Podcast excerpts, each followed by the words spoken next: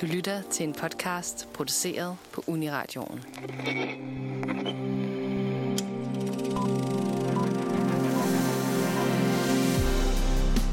Du lytter til Nosferatus anmeldelser for uge 39 efteråret 2021.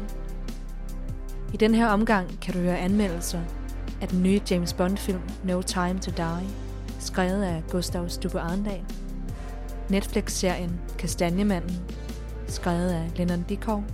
Og dokumentarfilmen I Wish the World Was a Paper Plane, skrevet af Anita Kotrostami.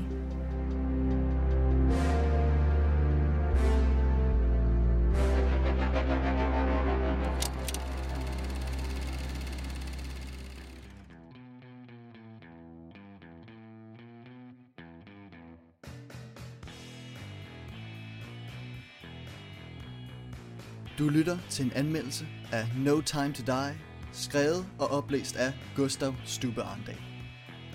Overskriften lyder, Daniel Craigs sidste skud er en ærgerlig misser.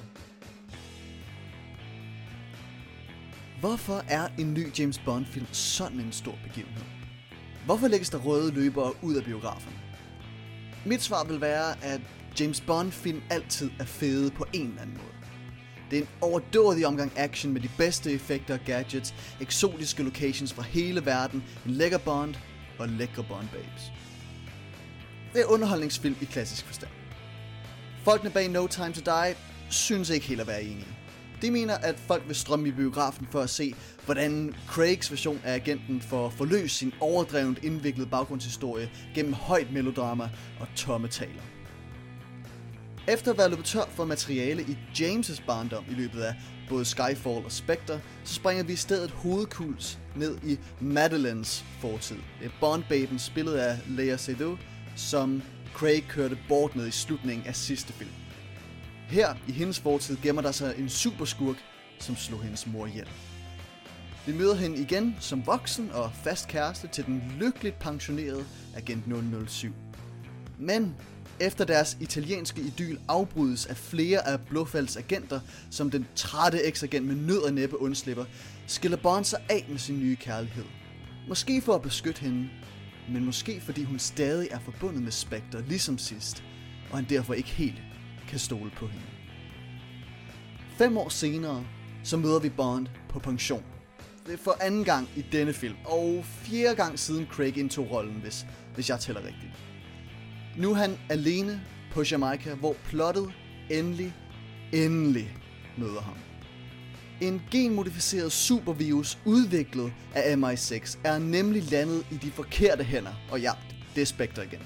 Og mens det britiske agentur vil holde på så mange hemmeligheder som muligt, så håber CIA på at rekruttere Bond til den delikate mission. Selvfølgelig er det mere kompliceret end som så, især da det viser sig, at den mystiske Safar skurken fra Madelines fortid, spillet af Rami Malek, har saboteret Spectres anskaffelse af virusen. Og hans kamp mod Blåfalds organisation foregår, imens James får gensyn med hele MI6-holdet, og selvfølgelig den mystiske nu ekskæreste Madeline. Hvis det lyder så meget, så har du ret. Og der er meget mere på vej, når fortællingen rigtig kommer i sving. Så ja, der er masser af baggrund og plot at snakke om i No Time to Die, men hvad med alle de ting, vi egentlig kommer efter? Ja, der, der er sådan set en del af rose. Actionscenerne er fint eksekveret med seje stunts, klar klipning. Craig brillerer fortsat i rollen som en mere rå Bond, der gemmer på en dybere følsomhed.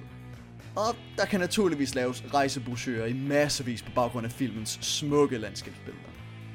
Så snart missionen kommer i gang på Cuba, så husker filmskaberne pludselig også at have sjovt med jakkesæt, ekscentriske videnskabsmænd og øh, Anna de Artemis i rollen som en naiv, men overraskende kompetent rekrut. Men vi vinker desværre farvel til den del efter en enkelt skudduel. Ja, man kan ikke misunde instruktør Kari Joji Fukunaga opgaven med så mange producer at gøre glade og så stor en film at styre. Men det manglende fokus sætter en dæmper for filmens lyspunkter, uanset hvor mange verdensklasse håndværkere, der har været inden over den. For ja, Actionscenerne er kompetente, men de har ikke den neglebidende spænding, man ser i Mission Impossible Fallout, eller de smukt koreograferede skuddueller, man ser i John Wick. Og ja, landskaberne hele vejen fra Italien til Norge ser flotte ud. Men det ser ofte også ud som en parfumereklame. Modsat for eksempel Roger Deakins' selvsikre ekstravagance fra Skyfall. Det er efterhånden ingen hemmelighed, at Craig lægger pistolen på hylden. Men det er også på tide, for hans britiske superagent har efterhånden så meget bagage, at den næste film vil kollapse under vægten.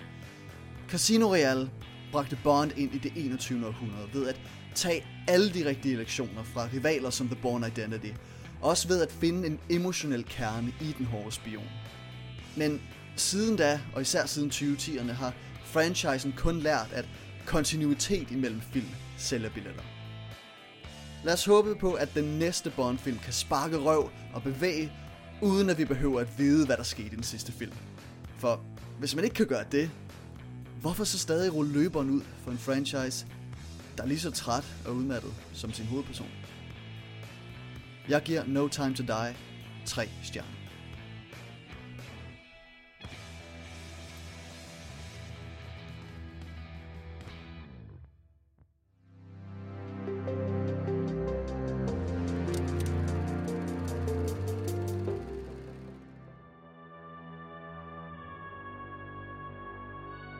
Her kommer en anmeldelse af Netflix-serien Kastanjemanden. Anmeldelsen er skrevet af Lennon Dikov, oplæst af Ida de Koning Hugge. Ikke meget skiller Kastanjemanden ud fra mængden. Det er Nordic Noir, som man kender det på både godt og ondt, men et unikt koncept kan desværre ikke helt redde serien fra krimigenrens typiske middelmådighed. Den skandinaviske noir kender vi alle. Nordens kulde og grå uvær danner ramme for chokerende tragedier, i hvad mange ellers vil mene er et velfungerende velfærdssamfund. Og også krimiromaner æder vi råt. Se bare på afdeling Q-serien. Jeg er dog ikke en af de førnævnte krimifans. Faktisk finder jeg krimier som denne forudsigelige og ensformige. Alligevel har jeg ikke kunnet lade være at kaste mig over Netflix's nye skud på stammen, Kastanjemanden, baseret på romanen af samme navn. Hvis koncept er så overraskende, at det er svært at forestille sig, at det skulle fungere. Så meget overraskelse får vi dog heller ikke. Klassiske elementer, ny indpakning. I Kastanjemanden møder vi først en politimand, der undersøger en bondegård, hvor nogle dyr er sluppet ud. Han kan dog ikke finde hverken bondemand eller resten af familien. I hvert fald ikke i live. Der kottes bræt til nutiden, hvor en ung mor findes stød på en legeplads, bundet til et træ, hånden hugget af, og med en lille kastanjemand ved siden af sig. Alt ligner jo, hvad vi kender fra genren, og ligeledes er det med hovedpersonerne. Den ene politimand er en enlig mor, stedig og følger sjældent ordre, spillet af Danik Kursik. Mens den anden er hendes nye makker, der tidligere arbejdede hos Europol – spillet af Mikkel Bo Følsgaard, og er indelukket, flyvsk og hemmelighedsfuld. Ligeledes er det velkendt, at de to betjente ikke kan lide hinanden, men tvinges til at arbejde sammen. Socialminister Rosa Hartung, spillet af Eben Dorner, har problemer i ægteskabet, og politichefen er sikker på, at han har styr på det hele, selvom hans ansatte tvivler på hans beslutninger. Og det er ærgerligt, når man ellers havde muligheden for at bryde rammerne – Morerne er kreative i deres groteskhed, hvilket var et godt tegn, men alt omkring dem blev hurtigt alt for forudsigeligt. Gamle, grå Danmark. En del af Nordic Noir og krimigenren generelt er naturligvis atmosfæren, og man forstår jo godt, at kulissen skal være uhyggelig og naturen utilgivelig. Der er der også efterårsblade og Halloweenfest på betjentens datters skole. Men det bliver altså endnu en gang bare gråt på gråt på gråt og naturen i Danmark er da egentlig ret flot, især om efteråret, så det havde været oplagt at udnytte den. Uhyggen spreder sig faktisk mere inde i karakterernes huse, end den gør i det mørke København. Og særligt når der findes en hel krans af kastanjemænd inde i dagligstuen, isner det en ned ad ryggen, også selvom det er lidt komisk, hvor alvidende gerningsmanden er. Ikke meget nyt under solen. Mistroen og forudsigeligheden bliver kun større, og hovedpersonerne gradvist mere frustrerende og decideret dumme. Måske skal du ikke gå alene i en forladt lærerbygning. Og det er heller ikke en god idé at overlade dit barn til en person, du knap nok kender. Mere uhyggeligt end de udbrændte kastanjehoveder og afhuggede lægemestele bliver det heller aldrig i kastanjemanden. Første halvdel virker ellers utrolig lovende, på trods af det ensfarvede ydre. Men det tager ikke lang tid at gætte rigtigt i mysteriet, og så hægtes man af. Ligeledes med så stereotypiske karakterer, at menneskeligheden svinder, og et politisk subplot, der fjerner fokus fra efterforskningen, giver serien genlød i den lange række af krimier, der allerede findes derude. Men hvis man er fan af alle de typiske elementer i Nordic Noir, er der nok ikke meget at klage over. Jeg er dog ikke skræmt ved tanken om at samle kastanjer, men skal man tro den overdramatiske slutning, så kommer der nok en del 2. Måske man skulle byde æblemanden inden for næste gang. Serien har fået tre stjerner.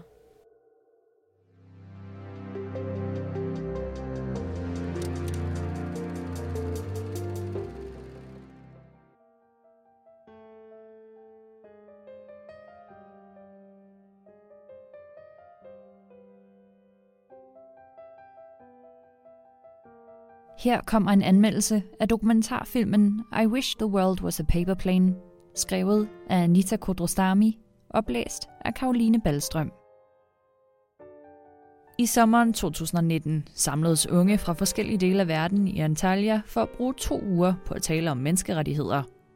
Tyrkiet bruges ikke som samlepunkt på grund af sin geografiske placering, hvor kulturer og religioner mødes, men også på grund af de mange syriske flygtninge, som nu bor i landet – de unge syre bryder grænser og danner bånd med de vestlige unge, som tager til for at nedbryde fordomme og lære mere om kultur og politik. Samtidig lærer de mere om, hvor forskellige deres verdener rent faktisk er. Gruppens medlemmer tager i moské, hvor de får lov til at overvære en bøn, og derefter at stille spørgsmål, som dækker alt fra det praktiske ved bønderne, til hvad de lokale synes om IS og deres fortolkning af Koranen. Det sidste spørgsmål stilles selvfølgelig af en af danskerne i gruppen. Måden situationen er blevet filmet på gør, at man virkelig kan mærke den akavede stemning, og man kan næsten høre de mentale barriere blive bygget op ind i hovederne på de involverede, mens de går i forsvarsposition. På den måde udgør situationen også et godt symbolsk udgangspunkt for resten af dokumentarfilmen, da man får en forståelse for, hvordan disse barriere er blevet brudt ned igen. Projektet består af en såkaldt teatralsk performance, hvor de unge skal lave forskellige kropslige øvelser og forestillinger. Pointen ved dem er at vise, hvordan alle mennesker, helt grundlæggende, har de samme behov, når det kommer til fysisk kontakt, empati og tolerancer, på trods af deres forskellige baggrunde. Den samhørighed, de finder under disse øvelser, hjælper dem også med bedre at forstå hinanden, når det kommer til den politiske del af det. De forskellige politiske holdninger og fortolkninger af menneskerettigheder skaber konflikt, men det er gennem konflikten, at udviklingen sker – det er ikke kun de vestlige unge, som lærer mere. Syrerne lærer, hvordan de kan udtrykke deres følelser og oplevelser nemmere, hvilket gør samarbejdet i hele gruppen bedre. Dokumentaren fanger smukt følelsen af frustration fra begge sider af gruppen, kombineret med en fornemmelse af forståelse for projektets problemstilling og de emner, der bliver bragt op. Som seer udvikler man sig samtidig med deltagerne i projektet, i takt med at de også lærer mere om både sig selv og den situation, de står i. I Wish the World Was a Paper Plane giver et dybt indblik i krigen i Syrien og flygtningekrisen, men på en mere lavpraktisk og relaterbar måde, utroligt nok. Man får en bedre fornemmelse for de individuelle oplevelser, som samtidig er gældende for mange flygtninge. Man ser også, hvordan opvækst og et liv i den vestlige verden virkelig er et privilegium i sig selv. Dog mangler dokumentaren desværre en form for introduktion af de enkelte deltagere og en konklusion af projektet eller en opsummering af en slags, som virkelig kunne binde det hele smukt sammen. Man bliver i stedet efterladt med et ønske om at vide mere og kunne gøre mere. Men måske det faktisk er en passende afslutning, som en slags symbolsk performance og fortolkning af flygtningekrisen i sig selv. I Wish the World Was a Paper Plane får 5 ud af 6 stjerner –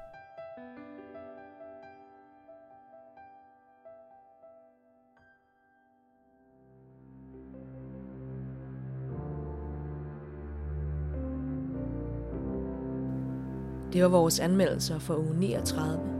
Husk, at du kan læse flere af ugens anmeldelser og en masse spændende artikler på nosferadio.dk. Her kan du også lytte til vores podcasts.